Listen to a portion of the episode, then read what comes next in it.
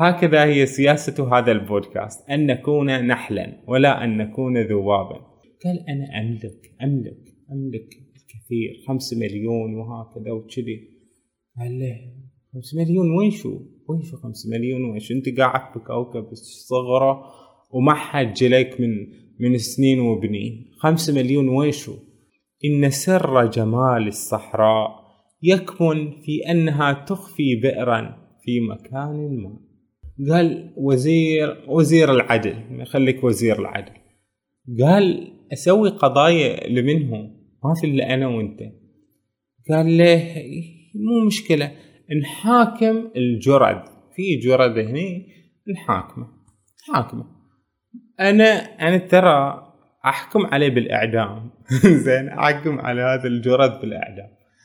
بس بصراحة ما أنفذ الإعدام بعدين أعفو عنه. ليش؟ لأنه ما في اللي هو. حاكم منه بعده؟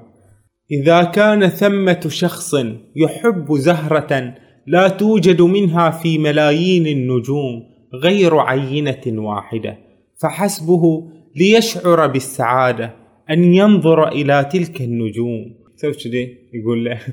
سوى الأمير هذا كذي. قال شو؟ آه يصفق لي. أنت يعني تحبني واجد أنت معجب بي واجد. الله كذي قل وش فيك؟ السلام عليكم. أسعد الله صباحاتكم ومساءاتكم بكل خير. كيف أخباركم؟ نتحدث اليوم عن قصة الأمير الصغير.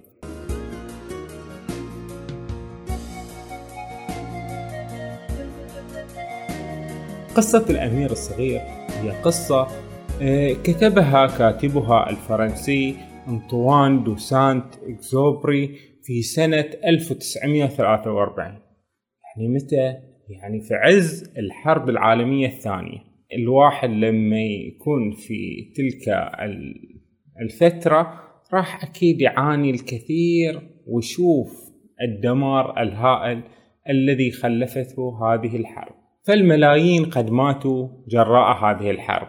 على أي حال فالكاتب هو طيار كان يعمل طيارا وسقطت طائرته في وين؟ في آه، الجزائر أو المغرب هناك يعني في أفريقيا في الصحراء الغربية. ومرت ست سنين من سقوطه هذا.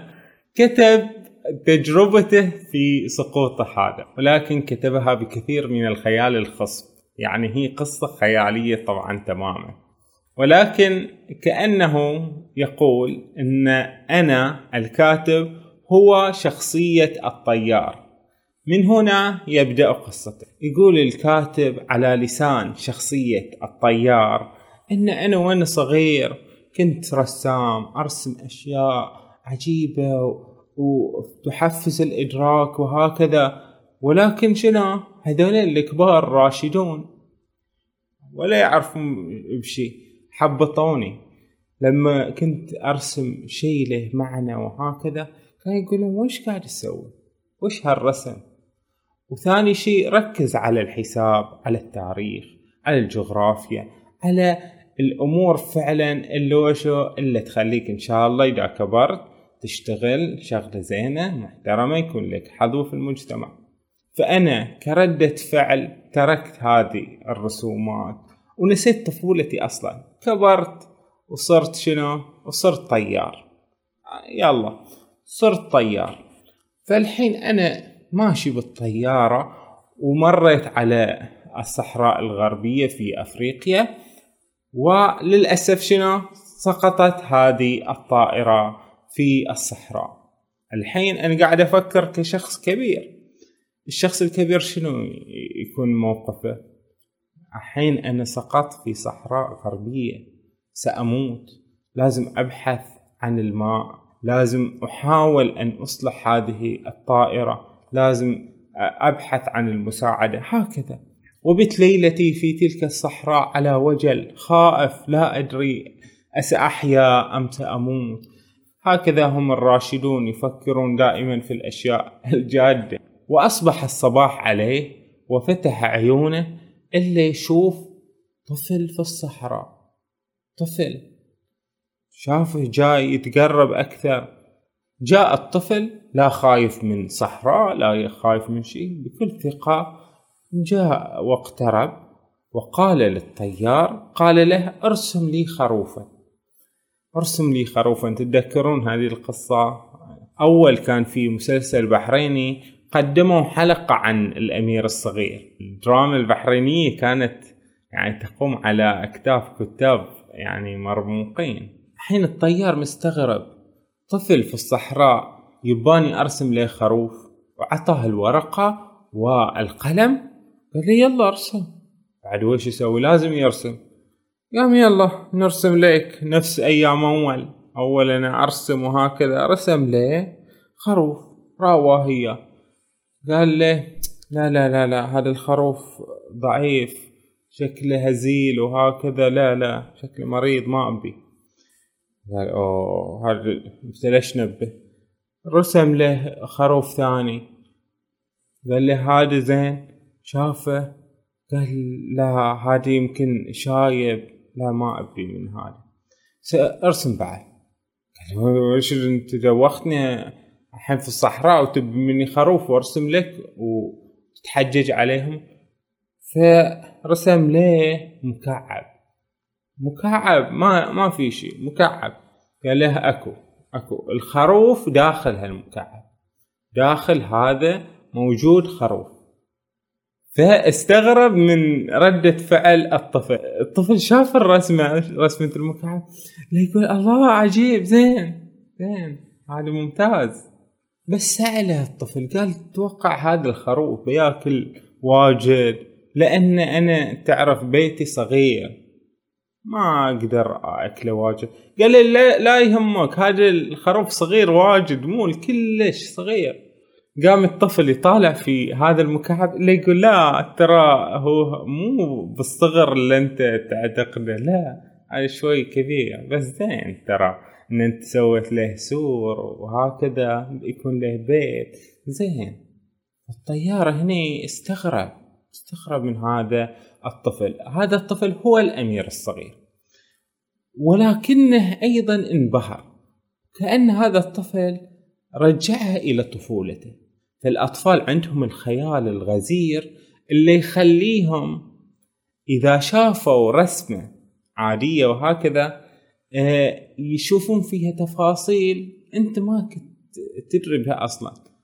ولما تخليه يسرح في خياله يشوفه رايح فهكذا بدأ الكاتب قصته بإلتقاء هذا الطيار بهذا الأمير الصغير.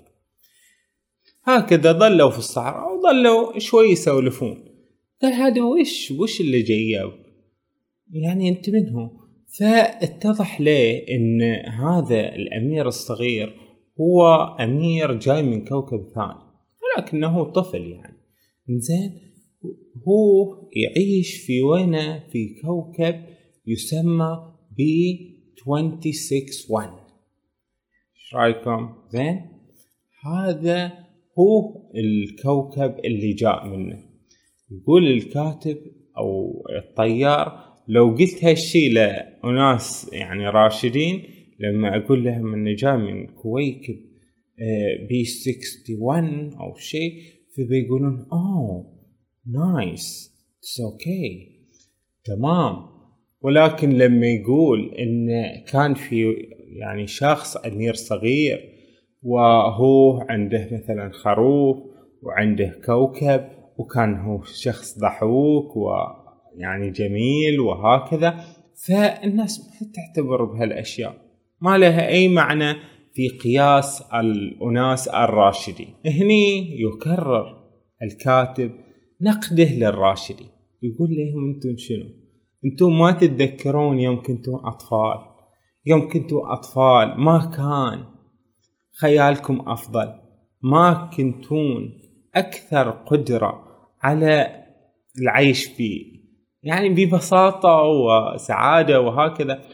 ولكن خلني أقول لكم وش هي عيوبكم يا الأناس الكبار؟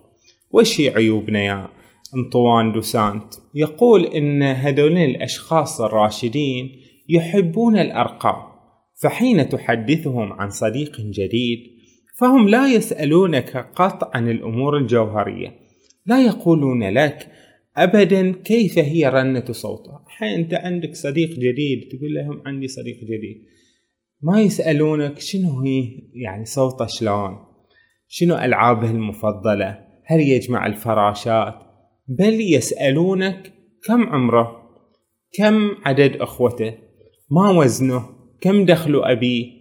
وعندها فقط يظنون أنهم عرفوا يركزون كما يقول الكاتب في أشياء غير جوهرية. أما الأطفال يركزون في الأمور الصحيحة اللي هي فعلا جوهرية.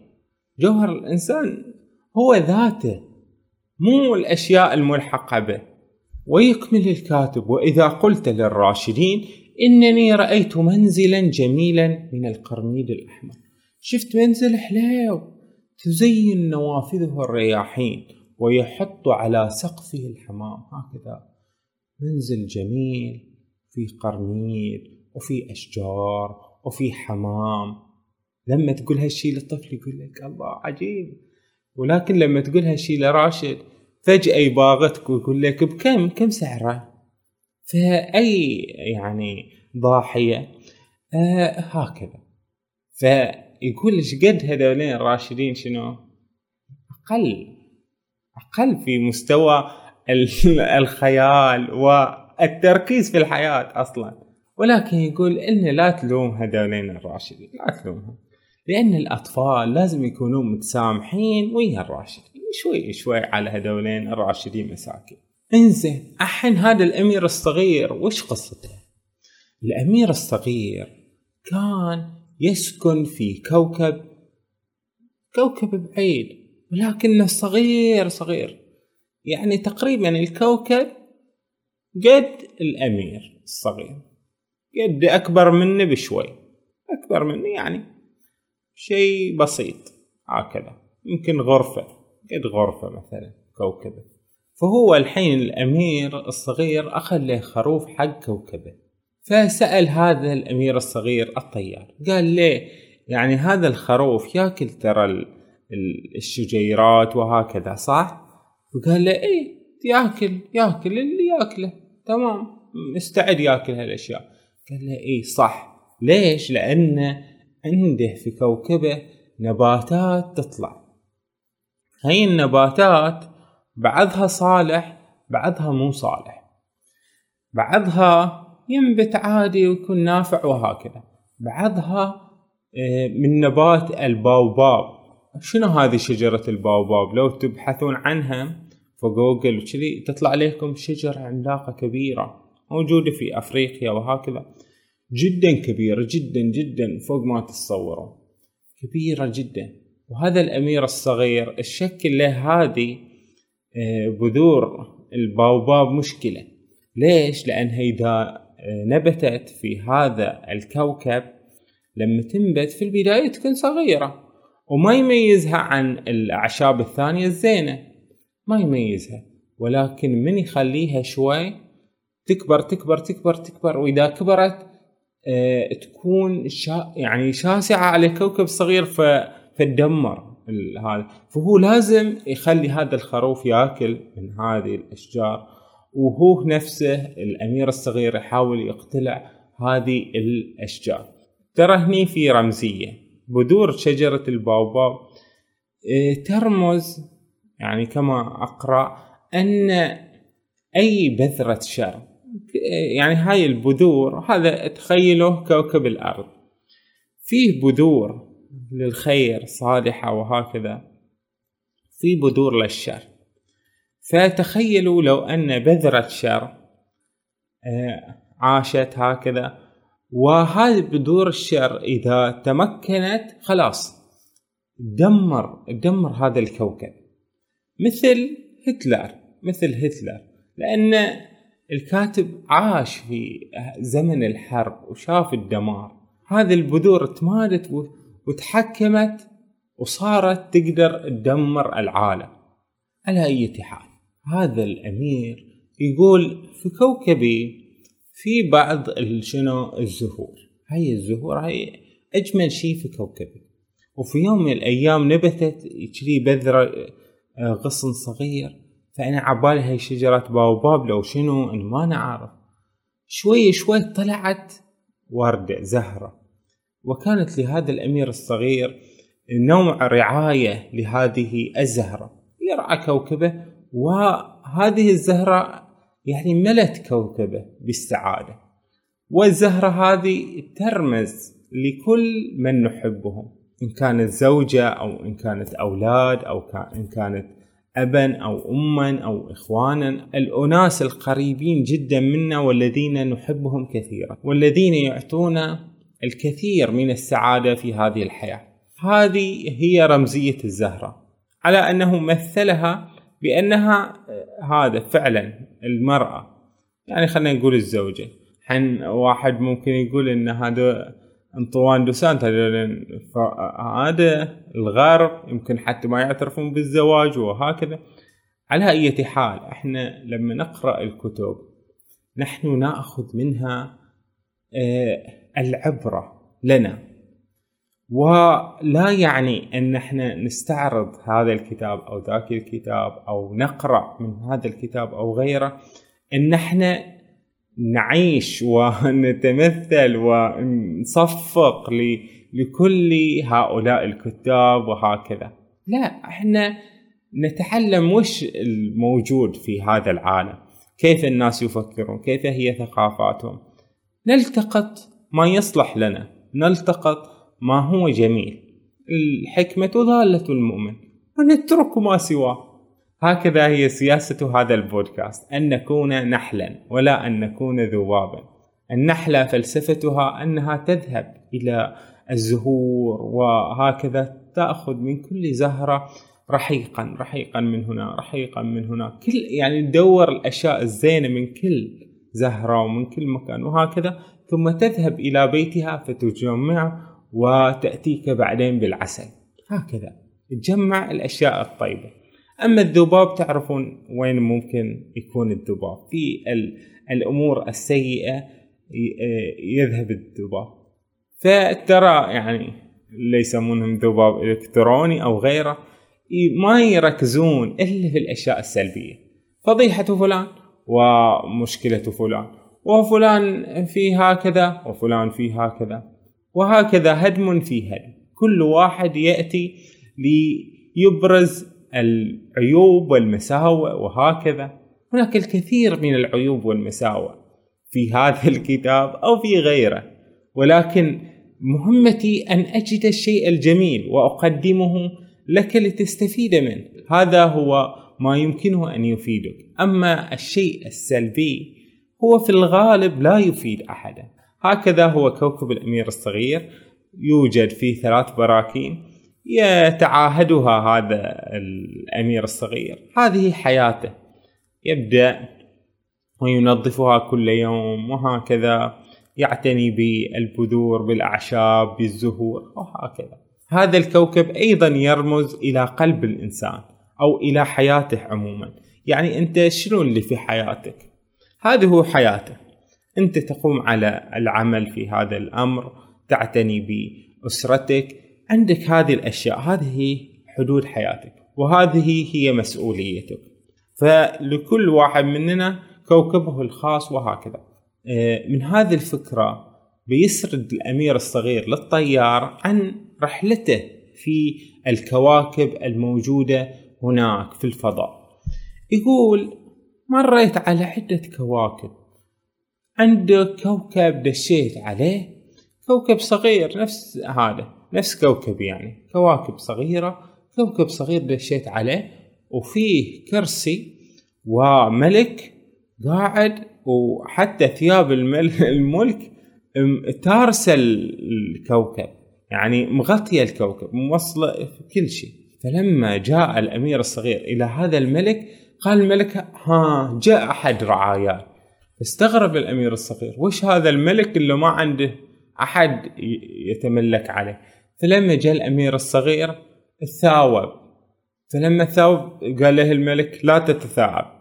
زين قال له ما أقدر ما أثاءب هاي الشيء طبيعي. زين قال له تثاءب. كانت راحت تثاءب الحين. قال له تثاءب مرة أخرى. قال ما يصير.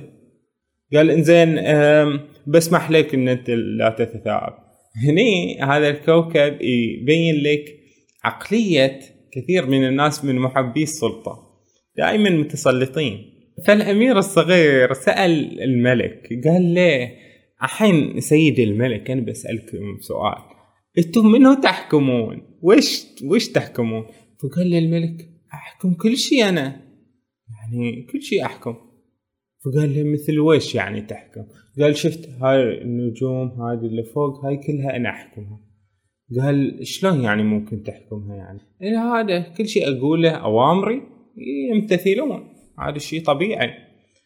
فقال له إنزين يلا. الحين الشمس طلع علي بشوف تقدر؟ هاي نفس محاجة النبي إبراهيم للنمرود قال له الملك آه والله بالصراحة ما يعني هل لو أنا أنا حين ملك أقول له مثلا وزيري أقول له يا وزيري صير دولفين. هل بيكون هو الغلطان إذا ما صار دولفين لو أنا الغلطان؟ كمل الملك قال أكيد بكون أنا الغلطان لأن الملك لازم يصدر يعني أوامر معقولة معقولة ولها أسبابها. ما يصير بس هذا كذي بس. بس أنا ملك على كل شيء. الأمير الصغير تملل من هذا الملك. قال يلا يلا أنا بمشي. فقال له تعال ملك تعال. بعينك وزير. قال له وزير وش أصلا قال وزير وزير العدل. خليك وزير العدل. قال أسوي قضايا لمنهم. ما في إلا أنا وأنت. قال له مو مشكلة. نحاكم الجرد. في جرد هني نحاكمه حاكمة. أنا أنا ترى أحكم عليه بالإعدام. زين أحكم على هذا الجرد بالإعدام. بس بصراحة ما أنفذ الإعدام بعدين أعفو عنه. ليش؟ لأنه ما في اللي هو حاكم منه بعده. فمشى هذا الأمير الصغير عن هذا الملك. فراح الأمير الصغير إلى الكوكب الثاني. وشاف فيه شخص مغرور. هذا الشخص المغرور واقف كأنه واقف على خشبة مسرح وينتظر تصفيق الجمهور. فلما شاف هذا قال أكو جاء معجب بي جاء حياك تعال. يلا. هذا سو كذي سو كذي يقول له. سوى الأمير هذا كذي. قال شو؟ آه يصفق لي. تفضل. أحسنت. أنت يعني تحبني واجد. أنت معجب بي واجد. الله كذي كل وش فيك؟ يعني شقد الناس هناك الكثير من الناس مغرورين والمغرور من غرته الدنيا فعلا يعني. إنه يكون أقصى همنا إن إحنا ننتظر التصفيق من الآخرين والتقدير منهم وهكذا. فتحرك الأمير الصغير من هذا الكوكب قال لا بقعد ولا شيء وراح لكوكب ثالث. هاي الكوكب الثالث كان فيه واحد كذي قاعد سكران. آه سكران. سكران وحالته حال. ضايق ضايق يشرب يشرب في يقول له وش في؟ وش في؟ قال أنا بالصراحة أشعر بالخزي والعار. ضايق متضايق. قال له ليش متضايق يا ولدي؟ قال أنا بالصراحة هذا السكر مدوخني ويسبب لي الخزي والعار وهكذا. وأنا لهالسبب قاعد أشرب الخمر. يعني إنه قاعد يسكر عشان ينسى إنه قاعد يسكر وهكذا. فهذا يمثل يعني غير إنه يمثل هذا الشخص السكير يمثل شخصية الناس اللي أيضا عايشين في وشو في هاي المشاعر. مشاعر الخزي والعار وهكذا عايشين هكذا في الإحباطات. فمشى هذا الأمير الصغير وراح إلى كوكب رابع. هاي الكوكب الرابع لما وصل له واحد كذي قاعد رجل اعمال قاعد يحسب يحسب. يقول ستة ملايين ومئة ألف وخمسون وهكذا.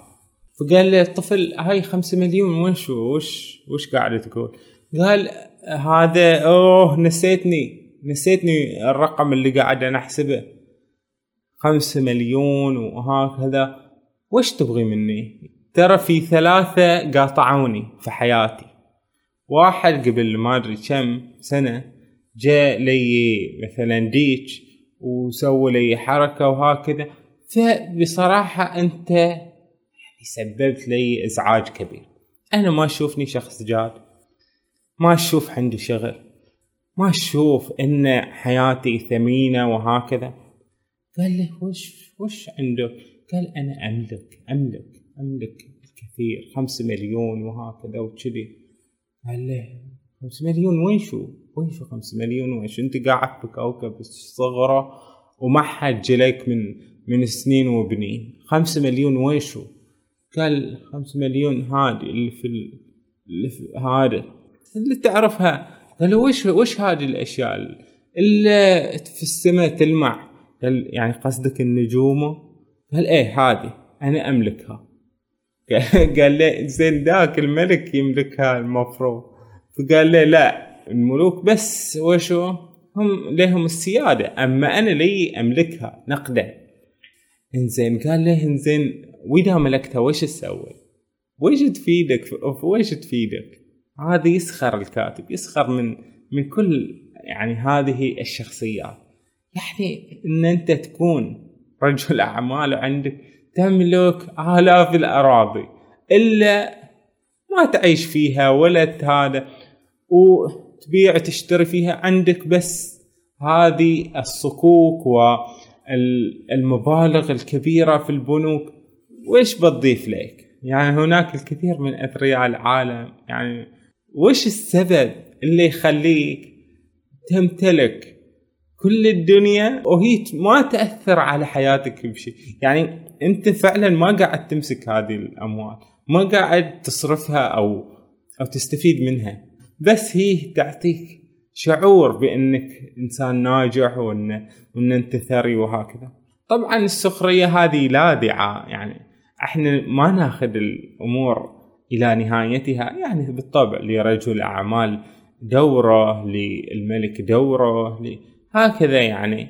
فطلع هذا الأمير الصغير من من كوكب رجل الأعمال وراح إلى شخص مسكين مشعل المصباح. وهذا مسكين مشغل المصباح عنده مصباح يشغل فيه ويطفئه يشغله ويطفئه وهكذا بس هي شغلته في الحياة. قال له انزين لا وش قاعد الشغلة؟ قال هذه التعليمات. بعدين يطفي ليش طفأته؟ قال هذه هي التعليمات. زين وش يعني؟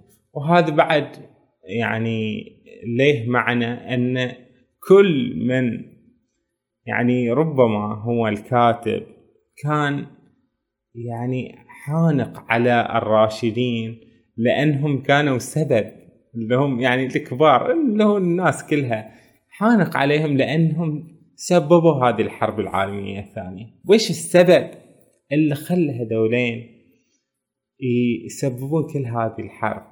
ليش تخلوا عن طفولتهم وعن يعني الجوهر الطبيعي البسيط فيهم؟ يعني يعني ما يحتاج إن إحنا نتصارع بهذا القدر. وهذا مشعل المصباح هذا ممكن يكون جندي. ممكن يكون جندي يتبع التعليمات ممكن يكون موظف هكذا عبد مامور هذا يروح يسوي الشيء اللي مطلوب منه هكذا. بس إنه هو كان يقول إن هذا مشعل المصباح بالصراحة أكثر واحد يسوي شيء مفيد. ليش؟ لأنه فعلا يعني يضوي يعني ممكن يضوي السماء وهكذا يعني وأنا تعاطفت وياه مسكين يعني. بس مشى عنه. وراح لكوكب الجغرافي.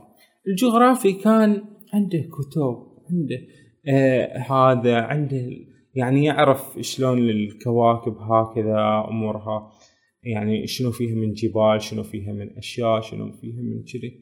فسأله سأله الأمير الصغير أنت رحت وشفت هاي الجبال؟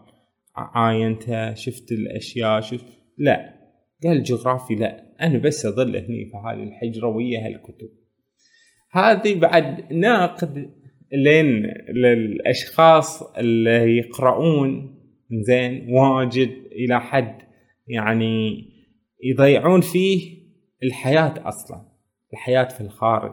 ليست الحياة هي فقط ما يدون في الكتب لا يمكن أن توضع آه، كل تجارب الإنسان في في الكتب فقط ولا توضع في فيديو ولا توضع في ما في شيء يحويها. هي التجربة الإنسانية أعمق وأكبر من ذلك.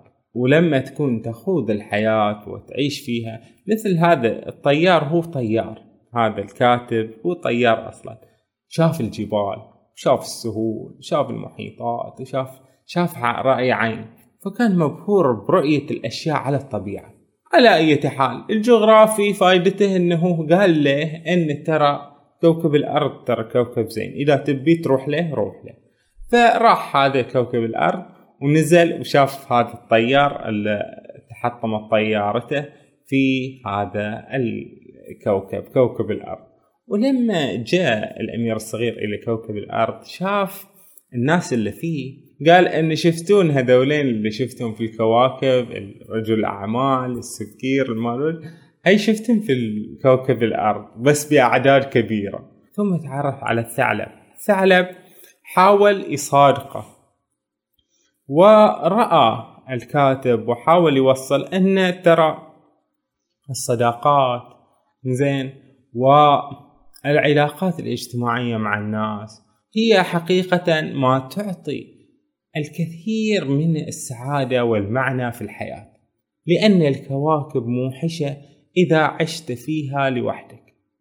كوكب تعيش فيه هكذا لوحدك فاللي يعيش في قوقعته كشخص مغرور أو أو كسلطوي أو كرجل أعمال أو أيا كان مسماك تعيش بس لنفسك ولا هذا تعيش بأهدافك لنفسك فقط فأنت ضيعت نفسك.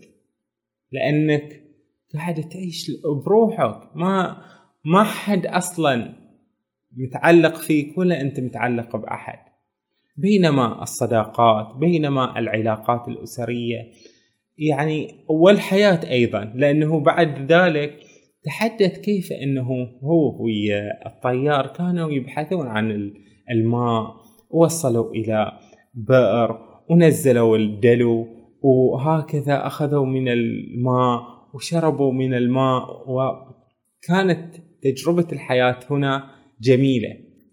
إن تجربة الحياة والعيش في الحياة هكذا الحياة تستحق أن تعاش ببساطتها بجمالها بانغماسنا فيها بالاستمتاع باللحظة السعيدة بالعيش برضا وقناعة ومشاركة مع الآخرين. هذه فلسفة الكاتب في كتابه. هناك الكثير من الاقتباسات الجميلة. خلنا نشوف اقتباس عن الصحراء. يقول الكاتب على لسان الطيار طوال عمري أحببت الصحراء. يجلس المرء على كثيب رمل فلا يرى شيئا ولا يسمع شيئا. ومع ذلك ثمة شيء يشع في صمت. إن سر جمال الصحراء يكمن في أنها تخفي بئرا في مكان ما. وأيضا الاقتباس الجميل الذي يخص حديث الأمير الصغير عن الزهرة. كان يقول إن هذه الزهرة أنا دائما أحميها. هي كانت تقول إن الرياح مو زين لي. فكان يحط سور وبعدين حط لها غطاء زجاجي عشان يحميها من من الهواء من الأشياء لأن هي في النهاية زهرة. وهذه الزهرة عندها مسكينة أربعة اشواك اشواك صغيرة ما تنفع في شيء. فكان يقول إن الحين الخروف إذا حن وديته كوكبي كان ما ياكل هذه الزهرة. فقال له الطيار كان الطيار مشغول كان الطيار مشغول قاعد يفك البراغي وهكذا. مهتم بشنو؟ بالعمل. وهذا الطفل كان مهتم بأن زهرته ما تفقد في هذه الحياة. قال له إنزين هذا الخروف ممكن ياكل الزهرة. والزهرة ممكن إن هي تحامي عن نفسها بهذه الأشواك الصغيرة فذاك ما يرد عليه قاعد يسوي وش يعني؟ فكان هذا الطيار قاعد يضرب في البرغي يقول إذا استمر هذا البرغي بالمقاومة سأكسره بضربة مطرقة. مركز فيه. فالطفل يقول زين أتظن أن الزهور فقاطع قال كلا كلا لا أظن شيئا. لقد أجبتك كيفما اتفق أنا مشغول بأمور خطيرة. أنا حن مشغول. أنت طفل. قاعد تقول أشياء تافهة. الخروف بياكل الزهرة وهكذا. ف... فالطفل نظر إليه نظرة. قال أمور خطيرة ها؟ راح ينظر إلي وقد تناولت المطرقة بيدي. وأصابعي مسودة بالشحم. وأنا مكب على شيء كان يبدو له في منتهى البشاعة. أنت تتكلم مثل الراشدين يقول الطفل لهذا يعني الراشدين يتكلمون بهالطريقة الغلط. يعني مثل الحين لما يقولون أنت تتكلم مثل الأطفال. لا أنت تتكلم مثل الراشدين. لأن الأطفال يقولون شيء أعمق من شيء. فقال الطفل أليست الحرب بين الزهور والخراف هامة؟ أليست أهم من عمليات الجمع؟ التي يقوم بها رجل بدين أحمر ذاك في الكوكب. وإذا كنت أنا أعرف زهرة فريدة لا وجود لها في أي مكان غير كوكبي. يستطيع خروف صغير أن يبيدها ذات صباح دفعة واحدة من دون أن ينتبه لفداحة جرمه. أليس هذا مهما؟ فامتقع لون الأمير الصغير وقال إذا كان ثمة شخص يحب زهرة لا توجد منها في ملايين النجوم غير عينة واحدة فحسبه ليشعر بالسعادة أن ينظر إلى تلك النجوم وسيقول في نفسه إن زهرتي توجد هناك في مكان ما. أما إذا التهم الخروف الزهرة سيكون الأمر بالنسبة إليه كما لو أن كل النجوم خبت فجأة. أليس هذا مهما؟ يقول له إن هذه الزهرة اللي أنا متعلق فيها كتعلقنا جميعا بأسرنا بالناس القريبين مننا ولا نعزهم كثيرا. فهذه الزهرة التي يراها الأمير الصغير من بعيد في في نجمة بعيدة ويقول أنها حية موجودة بخير. هذه بتكون سعادته. لكن لما الخروف يجي وياكل الزهرة وش بيصير؟ بتنطفئ الدنيا في هذا في عيونه في عيون هذا الأمير الصغير. هي إشارة لأن كما قلنا هذه الحرب العالمية الثانية خلفت.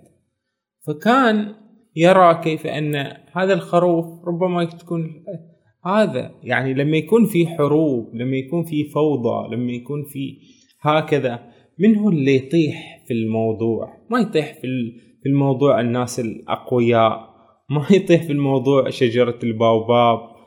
الناس اللي كلش لهم السلطة والنفوذ وهكذا. لا يطيح فيه الأهل الأحبة يقعون ضحية لهذه الحروب المدمرة. بينما هذا الطيار مشغول في الطائرة إصلاح الطائرة. هذا رمز للأعمال حين الناس العالم كله مشغول بالعمل. وشركات كبرى تسوي أعمال كبرى وهكذا. ولكن لا تهتم في الأمور الجوهرية. في أن يكون هذا العالم مكان فيه يسود السلام حقا. ويكون فيه يعني الخير نشر الخير هكذا السعادة الصداقة بين الناس ال يعني الأمور الطيبة هذه ما لها أي معنى.